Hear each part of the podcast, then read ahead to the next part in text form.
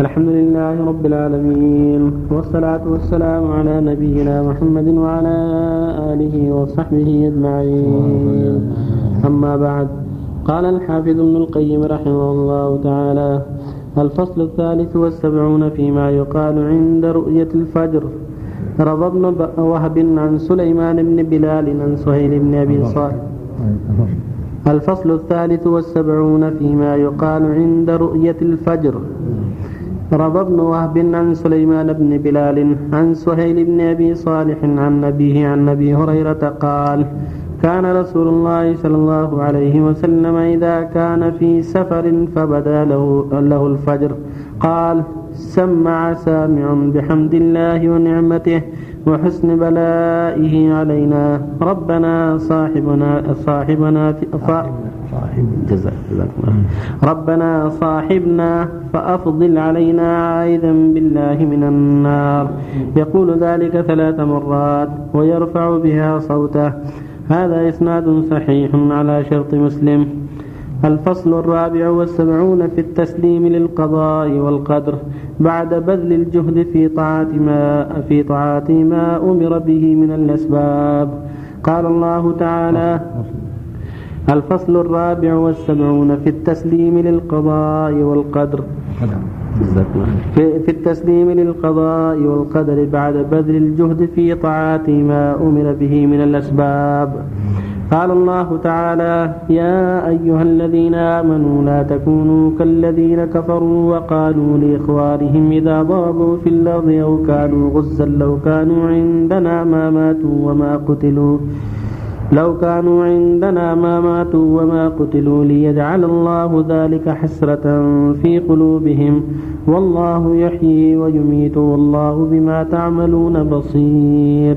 فنهى سبحانه عباده أن يتشبهوا بالقائلين لو كان كذا وكذا.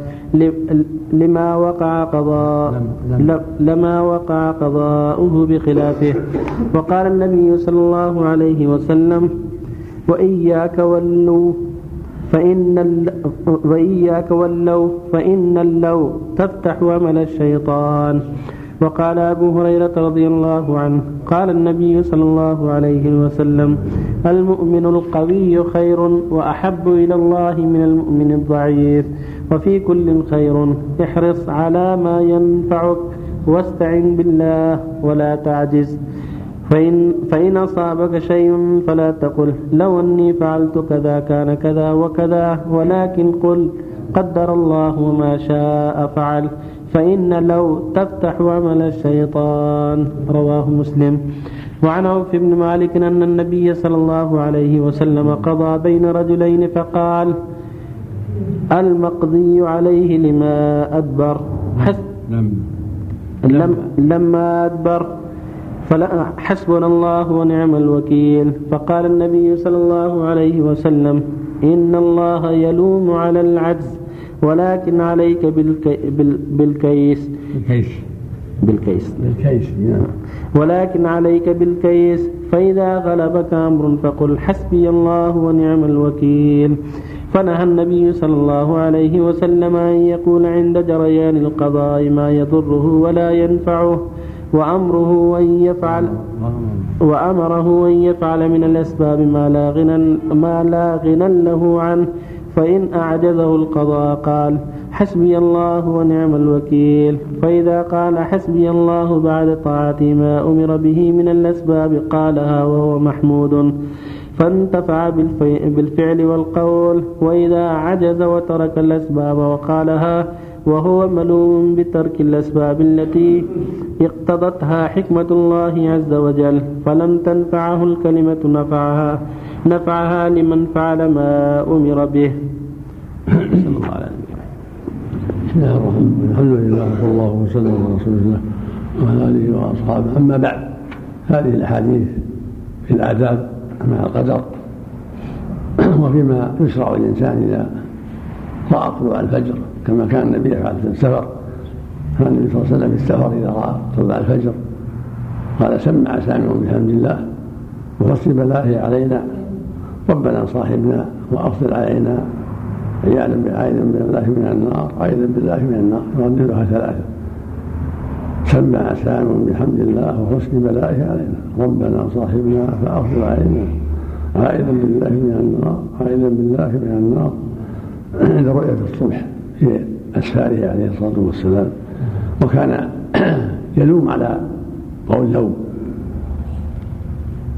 في ما يصيب الإنسان بل على الإنسان أن يأخذ بالكيس والأعمال التي شرعها الله ويجتهد فإذا غلبه الأمر يقول حسبنا الله إنا لله وإنا إليه راجعون قدر الله ما شاء فعل. أما يتعلق بلو ومفرط مضيع لا يبالي بالأسباب هذا غلط. ولهذا لا لا ذم الله الذين قالوا لو كانوا عندنا ماتوا ما قتلوا. ذم الذين قالوا لو كان أولادهم عندهم ما ماتوا ما قتلوا. المقصود أن القتل القتل والموت أمر مكتوب على العبد. سواء خرج في الجهاد أو بقي في بيت أهله. إذا جاء أجله لم يتأخر. ولن يؤخر الله نفسا إذا جاء اجلها لكنه مأمور الإنسان بالجهاد في سبيل الله مأمور أخذ الأسباب الطيبة مأمور به من الأسباب الرديئة. فهو يأخذ بالأسباب ويجتهد في الأسباب النافعة ويبتعد الأسباب الضارة. وبعد ذلك إذا غلبه الأمر يقول إنا لله وإنا إليه راجعون. قدر الله ما شاء فعل. ولهذا يقول صلى الله عليه وسلم المؤمن القوي خير ما أحب الله من المؤمن الضعيف وفي كل خير. ثم قال احرص على ما ينفعك واستعن بالله.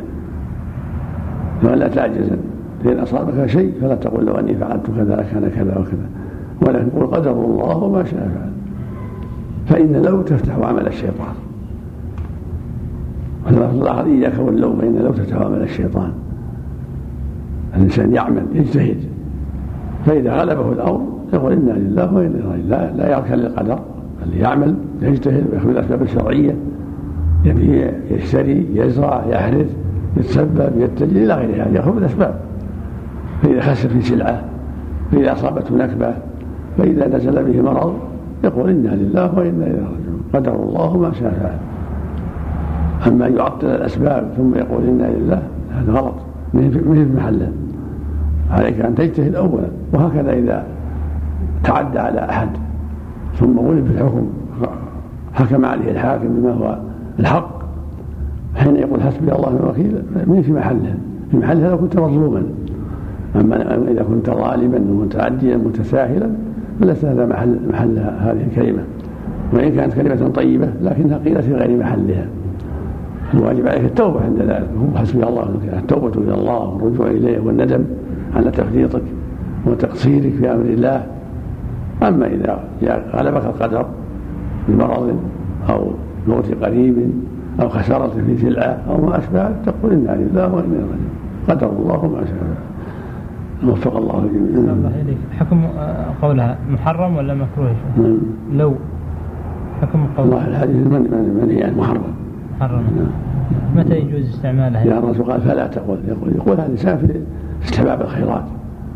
نعم. مثل لو استقبلت من الإسلام ما اهديت ما قال النبي صلى الله عليه وسلم الحج الحج حجة الوداع. قال لو استقبلت من استدرت ما اهديت ولا جعلتها عمرة. لو علمت ان ان ان فلان هنا لا جئت واكرمته وما أشبه ذلك. لو علمت أن الطريق عام حججت ما في بأس. قدر الله تمني الخير. من باب تمني الخير يعني. قدر الله ولا قدر الله يقال قدر الله ويقال قدر الله. قدر الله هذا قدر الله. نعم. قدر الله كذا المشروع محلول قدر الله هذا الشيء يعني. بارك الله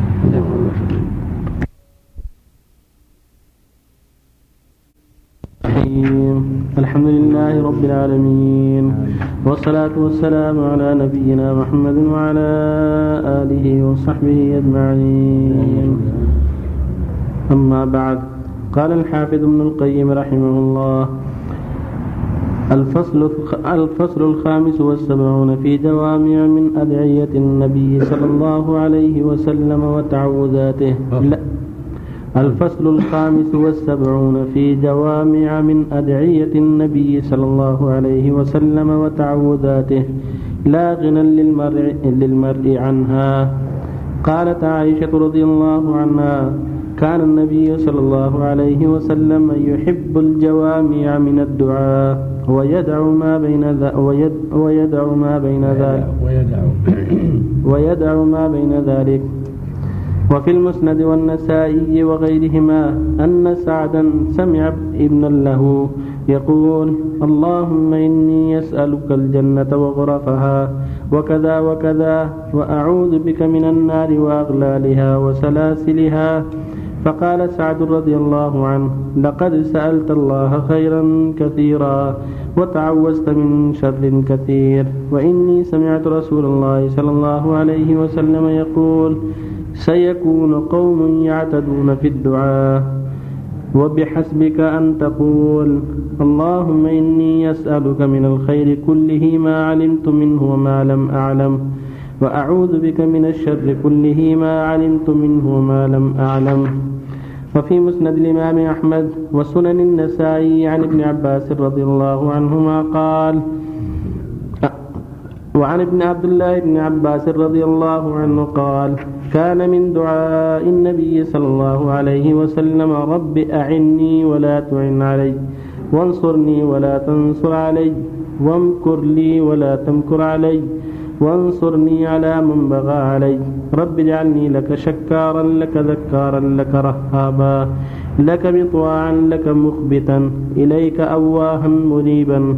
رب تقبل توبتي واغسل حوبتي وأجب دعوتي وثبت حجتي واهد قلبي وسدد, وسدد لساني واسلل سخيمة قلبي.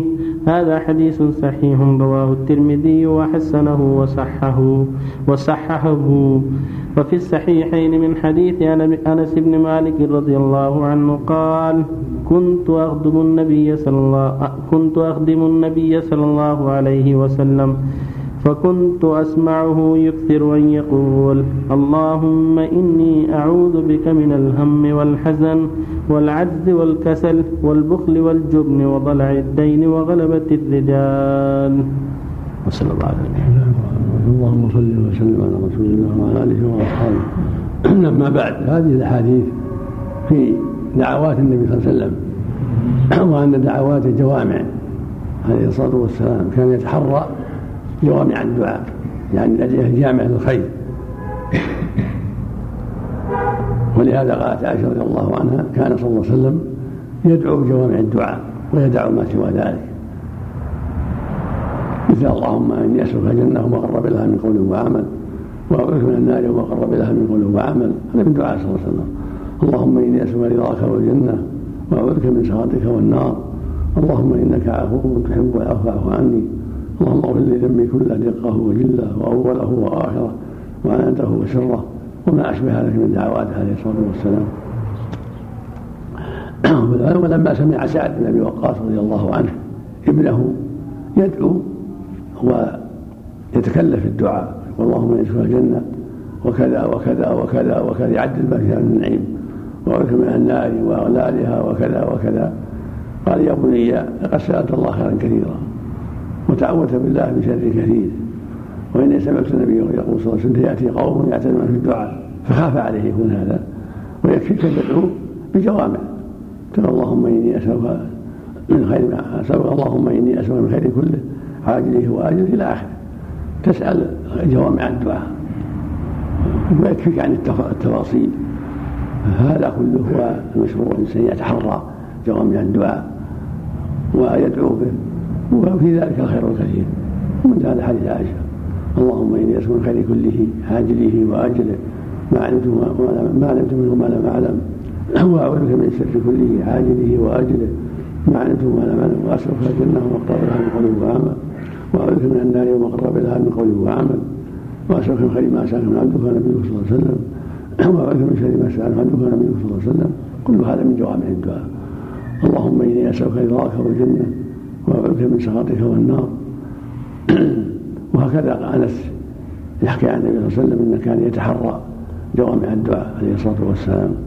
هكذا ينبغي المؤمن أن يتحرى الدعوات الجامعة ومن هذا قول صلى الله عليه وسلم اللهم أعني ولا تعن علي وانصرني ولا تنصر علي وانكر لي ولا تنكر علي. واهدني ويسره ذلك وانصرني على من بغى علي. اللهم اجعلني لك زكارا لك ذكارا لك رهابا لك مخبتا إليك اواه منيبا.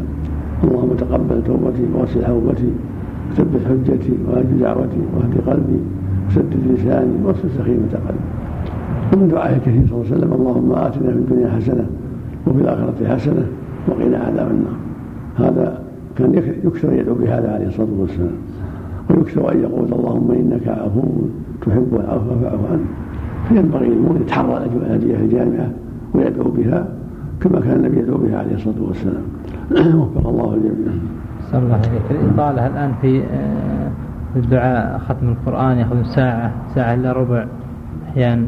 هل هذا من الإلحاح في الدعاء والإكثار من الدعاء كله طيب أكثر الدعاء. النبي صلى الله عليه وسلم يقول ما من عبد يدعو الله بدعوة. ليس فيها إثم ولا قطيعة رحم إلا أعطاه الله بها إحدى ثلاث إما أن تعجل له دعوته في الدنيا وإما أن تدخل له في الآخرة وإما يصلح من الشر مثل ذلك. قال يا رسول الله إذا نكثر قال الله أكبر. ونحب الإكثار من الدعاء. ونقول أحسن الله.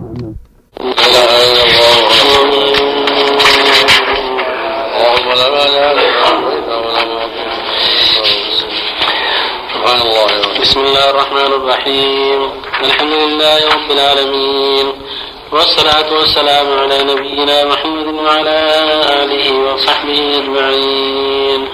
أما بعد قال الحافظ ابن القيم رحمه الله تعالى في باء في الفصل الخامس والسبعون في جوامع من أدعية النبي صلى الله عليه وسلم وتعوذاته لا غنى للمرء عنها. وفي صحيح وفي صحيح مسلم عن زيد بن أرقم رضي الله عنه قال لا أقول لكم إلا كما كان رسول الله صلى الله عليه وسلم يقول. كان يقول اللهم إني أعوذ بك من العجز والكسل والجبن والبخل والهرم وعذاب وعذاب القبر. اللهم آت نفسي تقواها وزكها أنت خير من زكاها وأنت وليها ومولاها. اللهم إني أعوذ بك من قلب لا يخشع ونفس لا تشبع وعلم لا ينفع ودعوة لا يستجاب لها. وفي الصحيحين عن عائشة رضي الله عنها أن رسول الله صلى الله عليه وسلم كان يدعو اللهم إني أعوذ بك من عذاب القبر وأعوذ بك من فتنة المسيح الدجال وأعوذ بك وعن عائشة رضي الله تعالى عنها أن رسول الله صلى الله عليه وسلم كان يدعو اللهم إني أعوذ بك من عذاب القبر وأعوذ بك من فتنة المسيح الدجال وأعوذ بك من فتنة المحيا والممات اللهم إني أعوذ بك من المأثم والمغرم. فقال له قائل ما أكثر ما تستعيذ من المغرم. ما أكثر ما تستعيذ من المغرم يا رسول الله. فقال إن الرجل إذا غرم حدث إن الرجل إذا غرم حدث فكذب ووعد فأخلف. وفي صحيح مسلم عن ابن عمر رضي الله عنهما قال كان من دعاء النبي صلى الله عليه وسلم اللهم إني أعوذ بك من زوال نعمتك وتحول عافيتك ومن فجاءة نقمتك ومن جميع سخطك. صلى الله عليه وسلم. الله وسلم على وعلى آله واصحابه أما بعد هذه الأحاديث الثلاثة تتعلق ببعض هدايات النبي صلى الله عليه وسلم. وكان صلى الله عليه وسلم يكثر كثير الدعاء وكان يدعو بجوامع الدعاء. كما قالت عائشة رضي الله عنها. كان النبي صلى الله عليه وسلم يدعو بجوامع الدعاء. ويدعو ما سوى ذلك. يعني يدعو بالدعوات الجامعة للخير الكثير. ومن هذا دعاء صلى الله عليه وسلم قال اللهم إني أعوذ من العجز والكسل وأعوذ من الجبن والبخل واعوذ من الحرم ومن عذاب القبر. هذه دعوة الجامعة العجز والكسل يثبطان عن كل خير. والجبن والبخل كذلك. الجبن يعني شجاعة في الحق والبخل بالمال والجاه ونحو ذلك. وهكذا الهرم يفضي إلى تعب كثير تعبه في نفسه وتعب غيره. وعذاب القبر كذلك. أعظم البلايا والمحن. اللهم آت نفسي تقواها وزكها أنت خير من زكاها أنت وليها من دعوات الجامعة اللهم آت يعني أعط نفسي تقواها وزكها أنت خير من زكاها أنت وليها وكان عليه الصلاة والسلام إذا دعا إذا تكلم بكلمة أعادها ثلاثا اللهم إني أعوذ من علم لا ينفع ومن قلب لا يخشى ومن نفس لا تشبع ومن دعوة لا يستجاب لها. هذه من دعواته عليه الصلاة والسلام. ومن دعاء الرسول اللهم إني أعوذ من زوال نعمتك وتحول عافيتك ومن فجاءة نقمتك ومن جميع سخطك. أيضا أربع دعوات جامعة. اللهم إني أعوذ من زوال نعمتك وتحول عافيتك ومن فجأة نقمتك يقال فجأة وفجاءة ومن جميع سخطك. وكان أيضا يتعول من الأشياء لا كما قالت عائشة كان الغالب يأتي بها في آخر الصلاة. اللهم إني أعوذ من عذاب جهنم من عذاب القبر ومن فتنة المحيا والممات ومن فتنة المسيح الدجال ومن المأثم والمغرم. قيل رسول الله ما أكثر ما تستعين من الأثم والمغرم. قال صلى الله عليه وسلم إن العبد إذا غرم حدث كذب ووعد فأخلف المأثم يعني الإثم يعني المعاصي. والمغرم يعني الدين. المغرم الدين. والعبد متى غرم تقول عليه الدين وعد واخلف وحدث كذب يعني الناس يوفي ما عنده شيء ما يخلف. يحدث بأشياء ولا ولا يفي بها. فيكذب بسبب عجزه عن الوفاء ومحبة لإرضاء لإرضاء الناس. فيرضيهم بالكذب ويعدهم ويخلف. فمن أجل هذا كان يستعيذ الرسول من المعتب والبغرة ومن دعاء الجامع اللهم إني أعوذ من شر ما عملت ومن شر ما لم أعمل. هذا من دعوات الجامع أعوذ بالله من شر ما عملت ومن شر ما لم أعمل. ومن دعاء العظيم اللهم إنك عفو تحب العفو فاعف عني. اللهم إنك عفو تحب العفو فاعف عني. فينبغي المسلم يتأسى بالنبي صلى الله عليه وسلم في الدعوات الجامعة يكثر من الدعاء تلح في الدعاء. لأن الله يقول ادعوني أستجب لكم.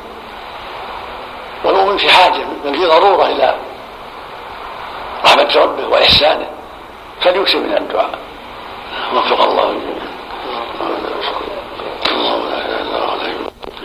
الا الله يحفظك.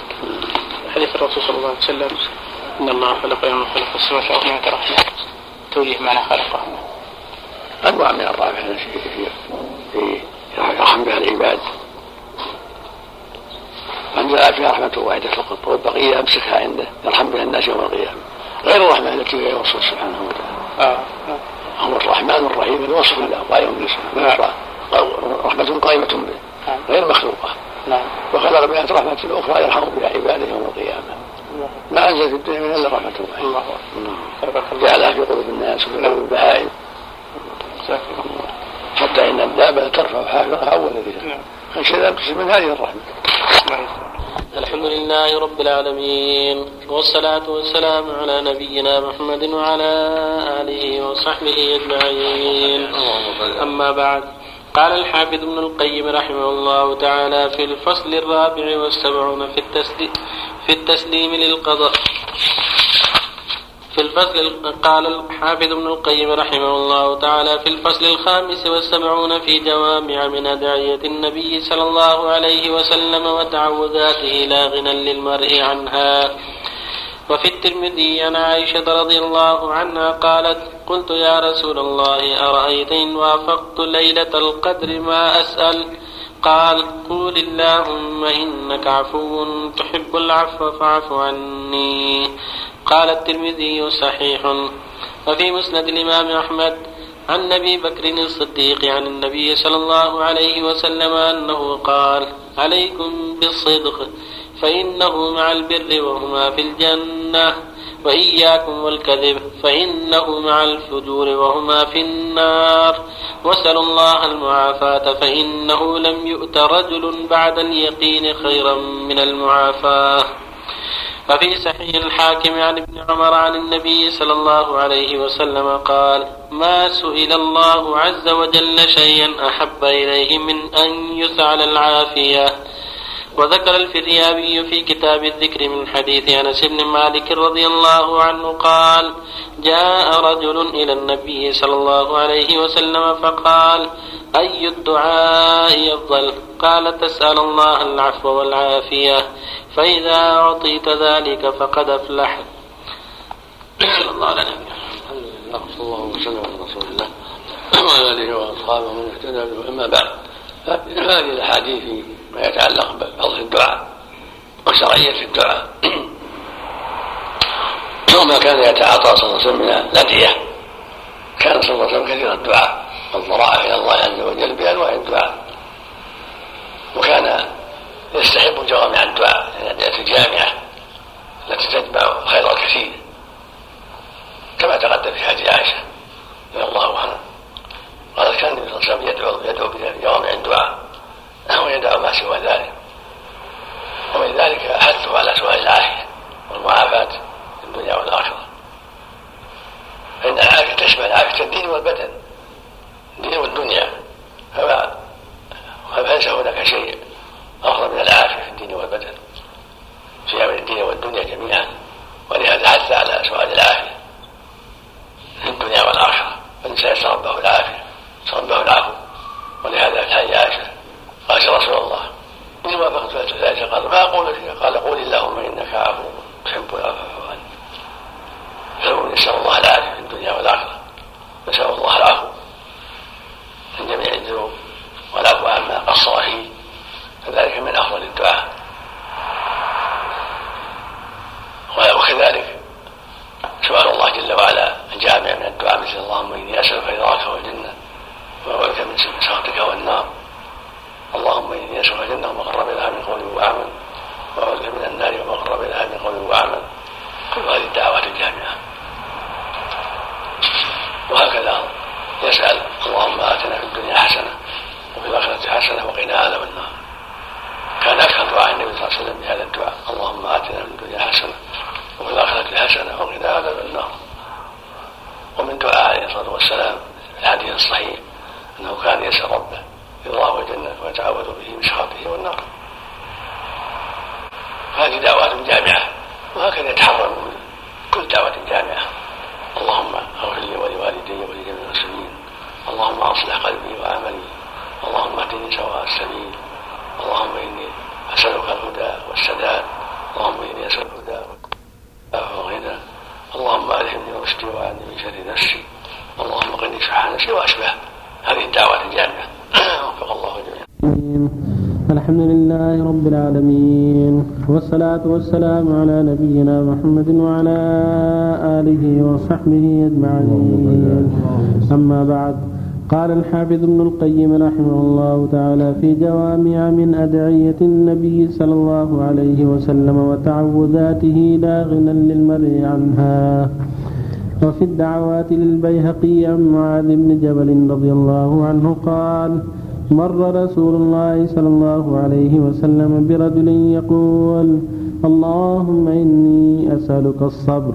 قال سألت الله البلاء فسل, فسل العافية ومر برجل يقول اللهم إني أسألك تمام النعمة.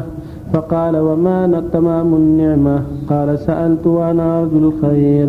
قال له تمام النعمة الفوز من النار ودخول الجنة. وفي صحيح مسلم عن أبي مالك الأشجعي عن أبي, عن أبيه رضي الله تعالى عنه قال كان رسول الله صلى الله عليه وسلم يعلم من أسلم أن يقول اللهم اغفر لي واهدني وارزقني وعافني وارحمني. وفي المسند عن بسر بن أرطاط رضي الله عنه قال سمعت رسول الله صلى الله عليه وسلم يقول اللهم أحسن عاقبتنا في الأمور كلها وأجرنا من خزي الدنيا وعذاب الآخرة. وفي المسند والصحيح الحاكم عن ربية بن عامر عن النبي صلى الله عليه وسلم ألظوا بياض الجلال والإكرام أي الزموها وداوموا عليها. وصلى الله عليه الحمد لله وصلى الله وسلم على رسول الله وسلم بعد في هذه الأحاديث وما تقدم من الأحاديث الحث على الدعوات الجامعة الترغيب فيها تاسيا من النبي عليه الصلاة والسلام في دعواته الجامعة.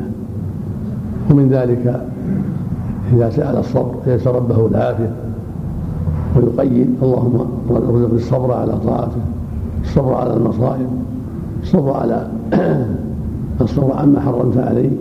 اللهم ارزقني العافيه في ديني ودنياي يسال ربه الصبر على ما شرع الله له وعلى ترك ما حرم الله عليه فيسأل ربه العافية. ومن الدعاء العظيم اللهم أحسن عاقبتنا في الأمور كلها وأجلنا من خزي الدنيا وعذاب الآخرة. يسأل ربه أن الله يتم عليه نعمته في دينه ودنياه فإن تمام النعمة أن توفق لخير الدنيا والآخرة. ومن استقام على دين الله حتى يتوفاه الله تمت عليه النعمة فإن مصيره الجنة والنجاة من النار.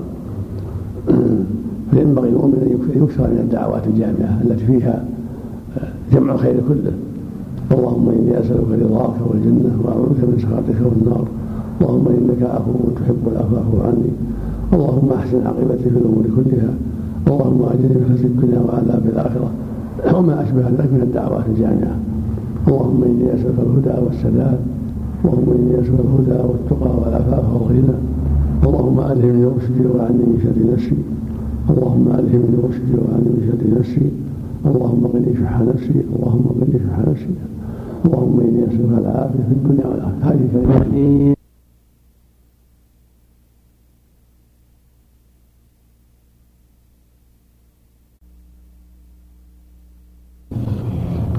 قال الحافظ ابن القيم رحمه الله تعالى في جوامع من أدعية النبي صلى الله عليه وسلم وتعوذاته لا غنى للمرء عنها. وفي صحيح الحاكم الحاكم أيضا عن أبي هريرة رضي الله عنه أن رسول الله صلى الله عليه وسلم قال لهم أتحبون أيها الناس أن تجتهدوا في الدعاء؟ قالوا نعم يا رسول الله. قال قولوا اللهم أعنا على ذكرك وشكرك وحسن عبادتك. وفي الترمذي وغيره أن النبي صلى الله عليه وسلم أوصى معاذا أن يقولها في دبر كل صلاة. وفي صحيحه أيضا عن أنس رضي الله عنه قال كنا مع النبي صلى الله عليه وسلم في حلقة ورجل قائم يصلي فلما ركع وسجد تشهد ودعا فقال في دعائه اللهم إني أسألك بأن لك الحمد لا إله إلا أنت بديع السماوات والأرض يا ذا الجلال والإكرام يا حي يا قيوم. فقال النبي صلى الله عليه وسلم لقد سألت باسمه العظم الذي إذا دعي به أجاب وإذا سئل به أعطاه. وفي المسند والصحيح الحاكم أيضا عن شداد بن أوس رضي الله عنه قال قال لي رسول الله صلى الله عليه وسلم يا شداد إذا رأيت الناس يكنزون الذهب والفضة فاكنز هؤلاء الكلمات.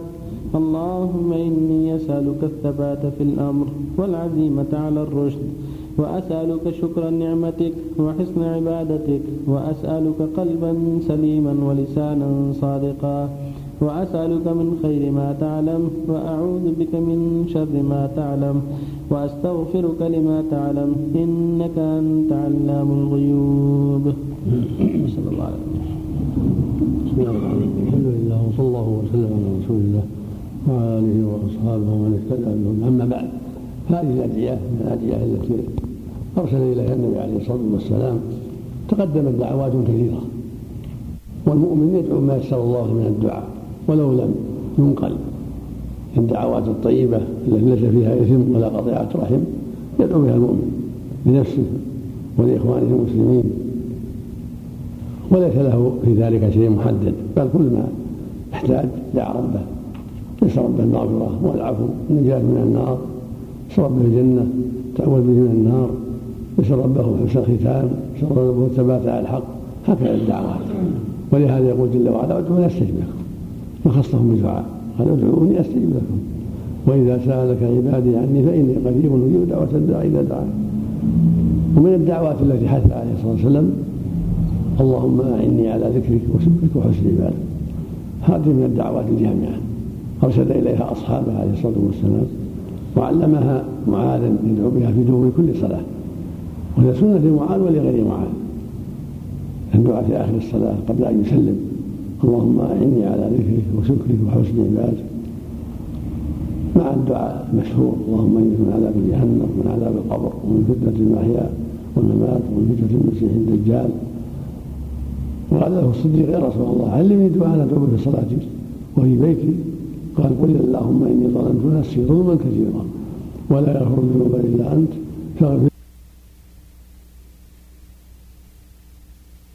هذه من الدعوات الطيبة ومن ذلك ما أرشد إليه النبي صلى الله عليه وسلم لما سمع من يدعو.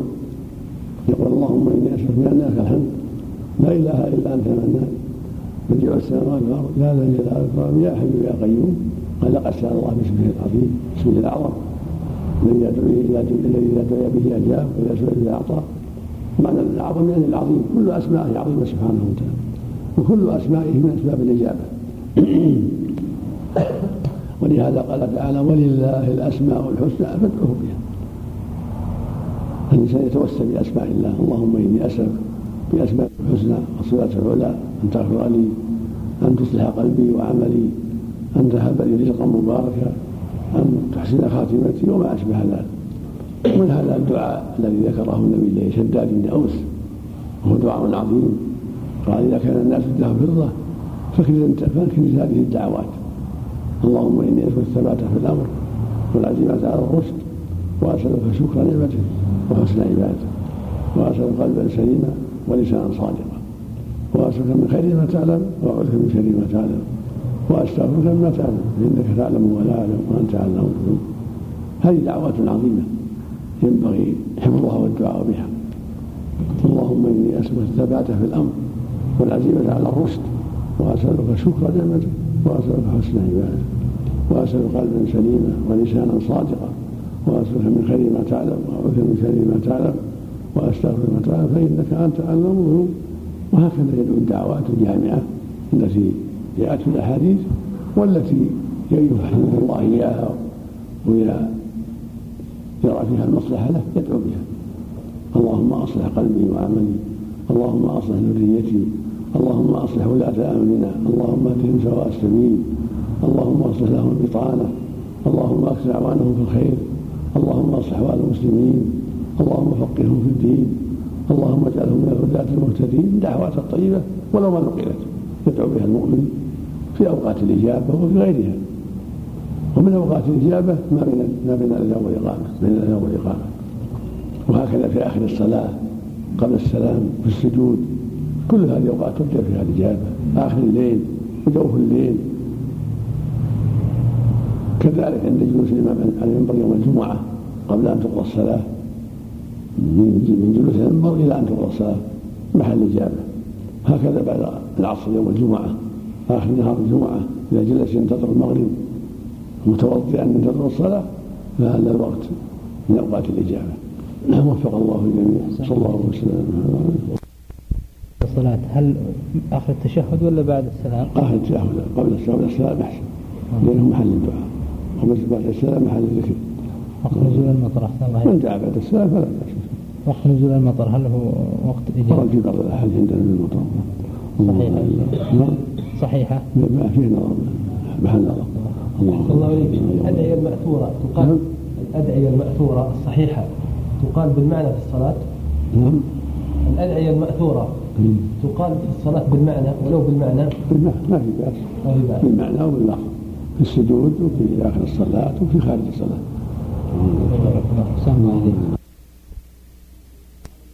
صلى الله عليه وسلم وتعوذاته لا غنى للمرء عنها. ففي الترمذي أن حسين بن عبيد بن خلف الخزاعي رضي الله عنه قال قال له النبي صلى الله عليه وسلم كم كم تعبد إلها؟ قال سبعة ستة في الأرض وواحد في السماء. قال فأيهم تعد لرغبتك ورهبتك؟ قال الذي في السماء. قال أما لو أسلمت لعلمتك كلمتين تنفعانك.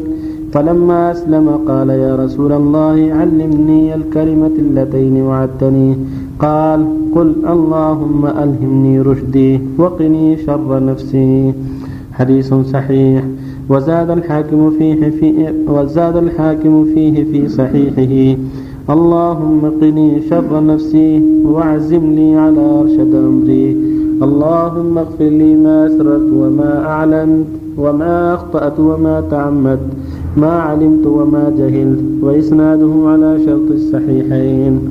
وفي صحيح الحاكم عن عن عائشة قال أن عائشة رضي الله عنها قالت دخل علي أبو بكر رضي الله عنه فقال هل سمعت من رسول الله صلى الله عليه وسلم دعاء علم علم علمني؟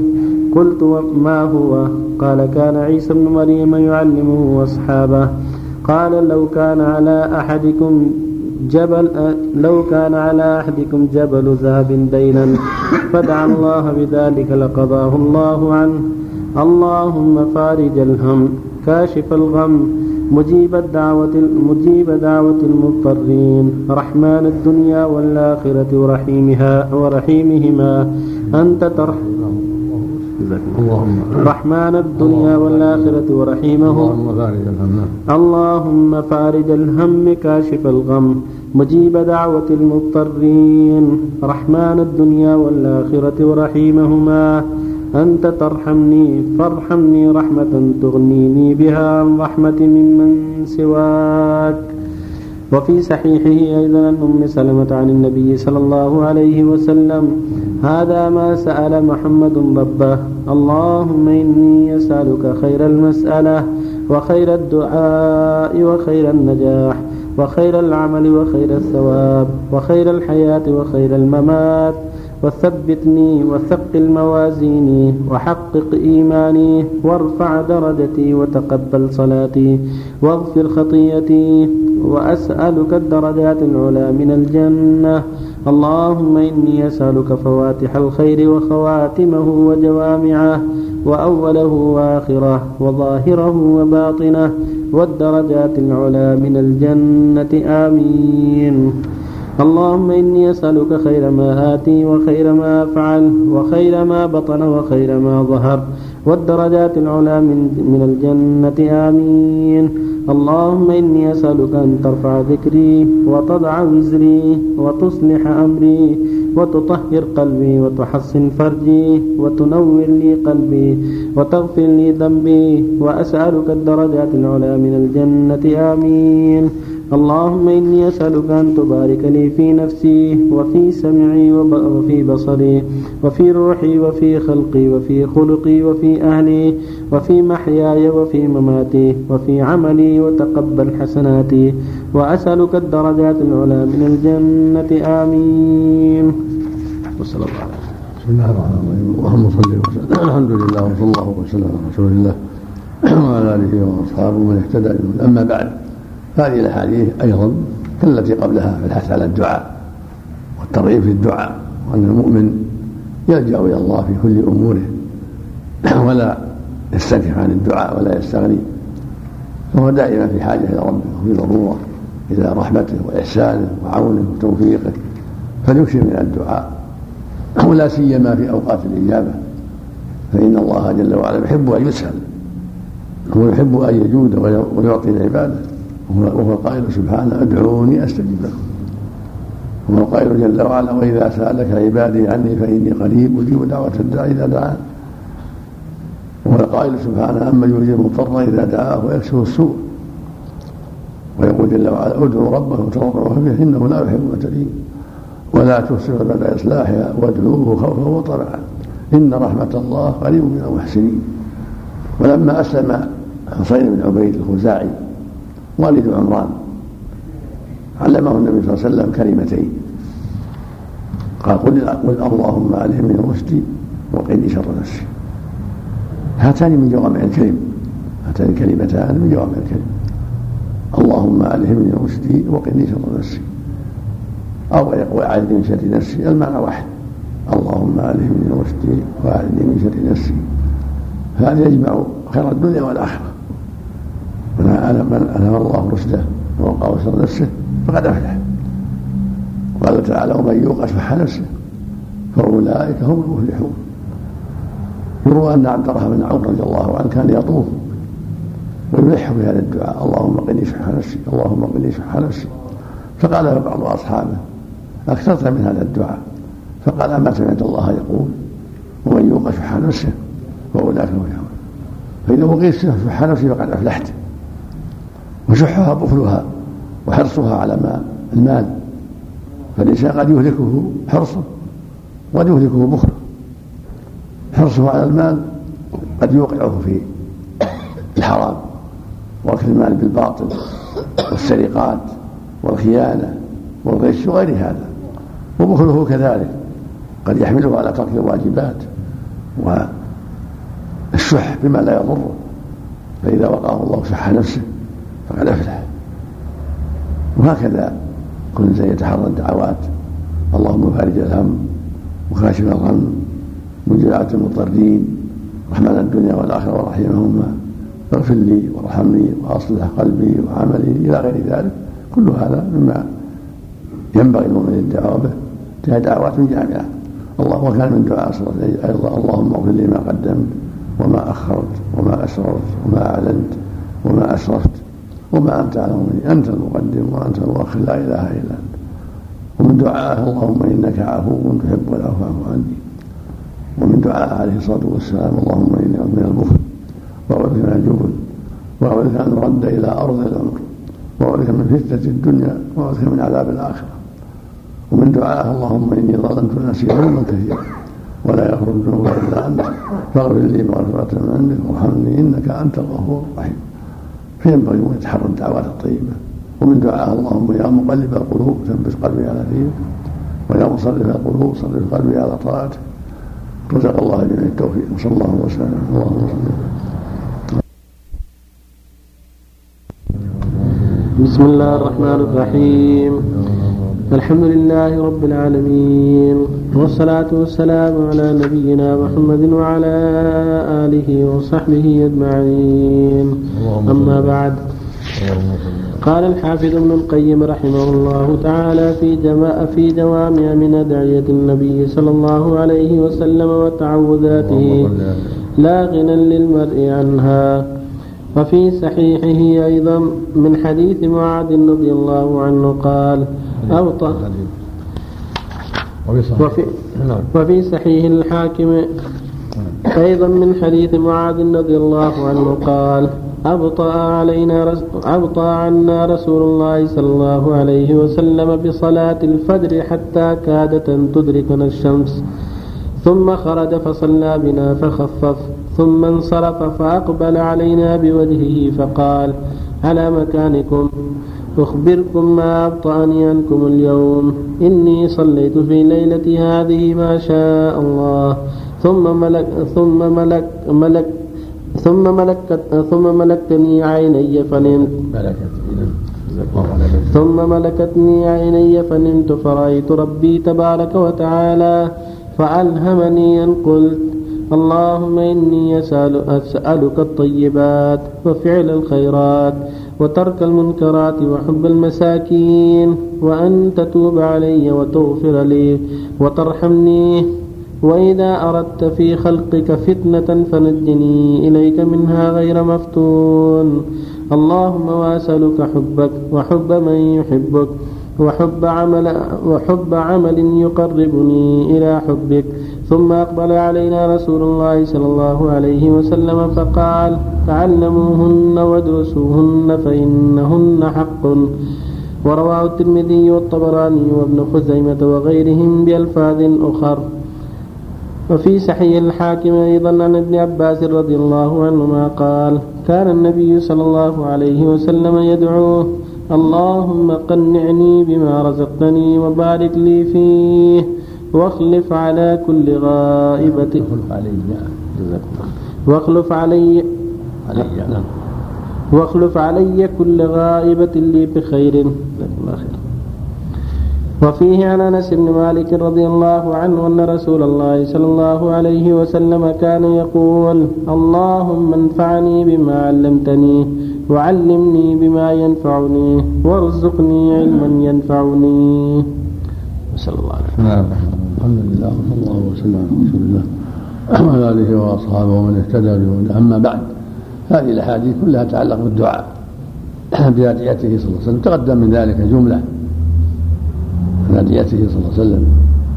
فالمؤمن إذا حفظ ما تيسر منها يدعو به ويجتهد في الدعاء. وهكذا الدعوات الطيبة التي يحفظها. وإن لم وإن لم تنقل يدعو بما أحب.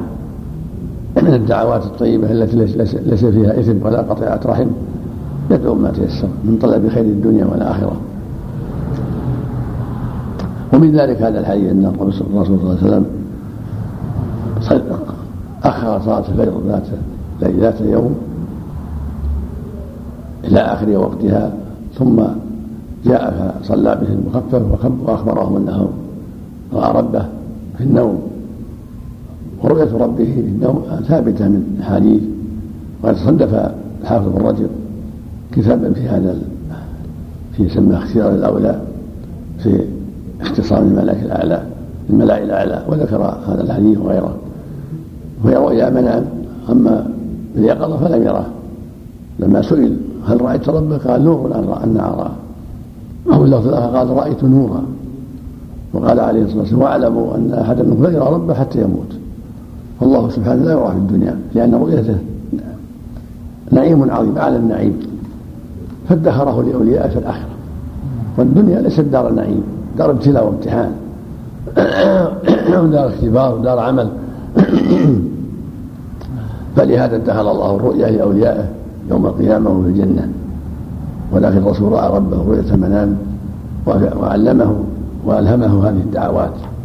اللهم إني أسألك الخيرات وترك المنكرات وحب المساكين وأن تغفر لي وترحمني. وإذا أردت بقوم فتنة فاقبل إنك غير مفتون اللهم إني أسألك حبك وحب من يحبك وحب عمل يقربني إلى حبك. وهكذا من دعاء اللهم انفعني بما علمتني وعلمني ما ينفعني وارزقني علما ينفعني وزدني علما. والحمد لله على كل حال. اللهم قنعني ما رزقتني وبارك لي فيما أعطيتني واخلف علي كل غيبة بخير. هذه دعوات ما كلها دعوات طيبة يدعو بها اللسان مثل ما تقدم الدعوات الأخرى. اللهم اعني على ذكرك وشكرك وحسن عبادك. اللهم يا مقلب القلوب ثبت قلبي على دينك. اللهم إنك عفو تحب العفو عني. وكان يدعو في السجود اللهم اغفر لي ذنبي كله دقه وجله وأوله وآخره وعنته وسره وعلم الصديق أن يقول في صلاته اللهم إني ظلمت نفسي ظلما كثيرا ولا يغفر الذنوب إلا أنت. فاغفر لي مغفرة من عندك وارحمني إنك أنت الغفور الرحيم. ومن الدعاء الدعاء العظيم الجامع الذي كان يدعو به النبي صلى الله عليه وسلم اللهم أصلح لي ديني الذي هو عصمة أمري وأصلح دنياي التي فيها معاشي وأصلح لي آخرتي التي فيها معادي واجعل الحياة زيادة في كل خير واجعل الموت راحة من كل شر. خرج مسلم في الصحيح. هذا الدعاء عظيم جامع. اللهم أصلح لي ديني الذي هو عصمة أمري وأصلح دنياي التي فيها معاشي وأصلح لي آخرتي التي فيها معادي واجعل الحياة زيادة في كل خير واجعل الموت راحة لي بكل شر. ومن دعائه العظيم اللهم اغفر لي خطيئتي وجهلي وإسرافي في أمري وما أنت أعلم مني. اللهم اغفر لي جدي وهزلي وخطئي وعمي وكل ذلك عندي. اللهم اغفر لي ما قدمت وما أخرت وما أسررت وما أعلنت وما أنت أعلم مني أنت المقدم وأنت المؤخر وأنت على كل شيء قدير. من دعاء اللهم إني أعوذ من غلبة الدين وغلبة العدو وشماتة الأعداء. اللهم إني أعوذ من جهد البلاء ومن طرف الشقاء ومن سوء القضاء ومن شماتة الأعداء وغير ذلك من الدعوات السابقة. فالمسلم يدعو ما تيسر في سجوده في آخر التحيات في آخر الليل بين الأذان والإقامة. في آخر آخر ساعة ساعة الجمعة بعد العصر وهو ينتظر الصلاة وهكذا في عند جلوس الخطيب على المنبر يوم الجمعة إلى أن تقرأ الصلاة. كل هذه الأوقات فيها دعوات مستجابة جوف الليل كذلك. المؤمن يتحرى الخير ويتحرى الكلمات الجامعة والدعوات الجامعة يدعوها بإخلاص وصدق ورغبة فيما عند الله. نسأل الله الجميع التوفيق والهداية. أحسن الله إليك، هل ورد أن الرسول صلى الله عليه وسلم قال اللهم أحيني مسكينا وأحشرني في زمرة؟ جاء حديث ضعيف صلى فيه ما فيه ضعف ليس بثابت حديث ضعيف. الله لا إله إلا الحمد لله رب العالمين. والصلاة والسلام على نبينا محمد وعلى آله وصحبه أجمعين. أما بعد قال الحافظ ابن القيم رحمه الله تعالى في الفصل الخامس والسبعون في جوامع من أدعية النبي صلى الله عليه وسلم وتعوذاته لا غنى للمرء عنها وفي صحيح الحاكم أيضا عن عائشة رضي الله عنها أن رسول الله صلى الله عليه وسلم أمرها أن تدعو بهذا الدعاء. اللهم إني أسألك من الخير كله عاجله وآجله. ما علمت منه وما لم أعلم. وأعوذ بك من الشر كله عاجله وآجله. ما علمت منه وما لم أعلم. وأسألك الجنة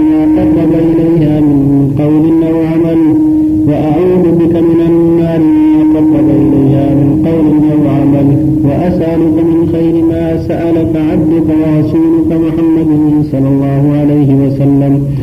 وأعوذ بك من من شر ما استعاذ بك منه عبدك ورسولك محمد صلى الله عليه وسلم.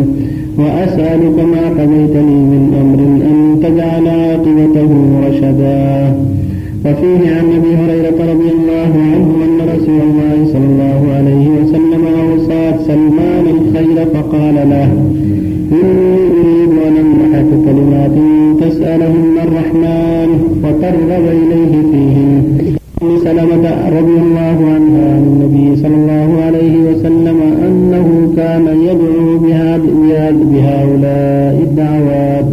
اللهم أنت الأول لا اللهم صل وسلم اما بعد هذه الأحاديث فيها الحث على الدعوات التي دعا بها النبي صلى الله عليه وسلم وعلمها أصحابه. والدعاء مطلوب. وهو مشروع للمؤمن. فينبغي له يكثر من الدعاء.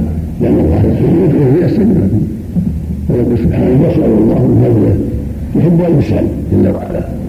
ولان الدعاء فيه شهادة لله لأن سبحانه غني يسمع دعاء الداعين ويرحمهم ويطلب عليهم كل هذا من دلائل الدعاء. فلهذا شرع الله لعباده الدعاء. لأنه يتضمن ايمانهم به واعترافهم بوجوده وانه غني حميد وانه الرحمن الرحيم يحسن إلى عباده وانه الذي يقوم بأرزاقهم. انه كذلك سبحانه وتعالى هو خالقهم ورازقهم. ومتكفل بأرزاقهم ولكن شرع لهم سبحانه مع هذا أن يعبدوه بالدعاء يسالوا من فضله جل وعلا فيسأل الإنسان ما أهمه. كل دعاء ليس فيه اثم ولا قطيعه رحم يدعو ربه الغنى عن عن الناس. نسأل ربه العافية. نسأل ربه الصحة. نسأل ربه ذرية صالحة نسأل ربه زوجة صالحة نسأل الله ربه المغفرة كثيرا لله النجاة من النار ولا غير ذلك. ولا سيما التي من الله عليه وسلم إذا تيسر حفظها تكون أفضل من غيرها. من هذا الدعاء في حديث عائشة اللهم إني أسأل الخير كله. عاجله وآجله. ما علمت منه وما لم وأعوذ من الشر من الشر كله عاجله وآجله ما علمت منه وما لم أعلم وأسألك من هذه ما سأل من النبي صلى الله عليه وسلم. وأعوذ من شر ما استعاذ من النبي صلى الله عليه وسلم. وأسألك الجنة وما قرب إليها من قول وعمل وأعوذ من النار وما قرب إليها من قول وعمل وأسألك أن تجعل كل أموال قولته بخيرا وتوفيها رشدا هذه دعوة من من الدعاء الآخر جعلنا عائشة. اللهم إنك عفو تحب العفو فاعف منها الدعاء الآخر اللهم إني أسألك إيمانا في وإيمانا والإيمان في حسن الخلق وأسألك المغفرة والرحمة والعافية وأسألك رحمة الإيمان يتبعه فلاح صلاح يتبعه فلاح كل هذا من الدعوات الطيبة فالإنسان يتحرى الدعوات الطيبة التي سمعها النبي صلى الله عليه وسلم أو هي في نفسها طيبة صالحة فيدعو بها طويح في ليله ونهاره في في جوف الليل في آخر الليل في آخر الصلاة في سجوده في طريقه وماشي في مضطجع في فراشه يدعو الله ما تيسر مع الذكر يذكر الله ويدعو ويصلي على النبي صلى الله عليه وسلم. كل هذا مما يحب الله من وفق الله من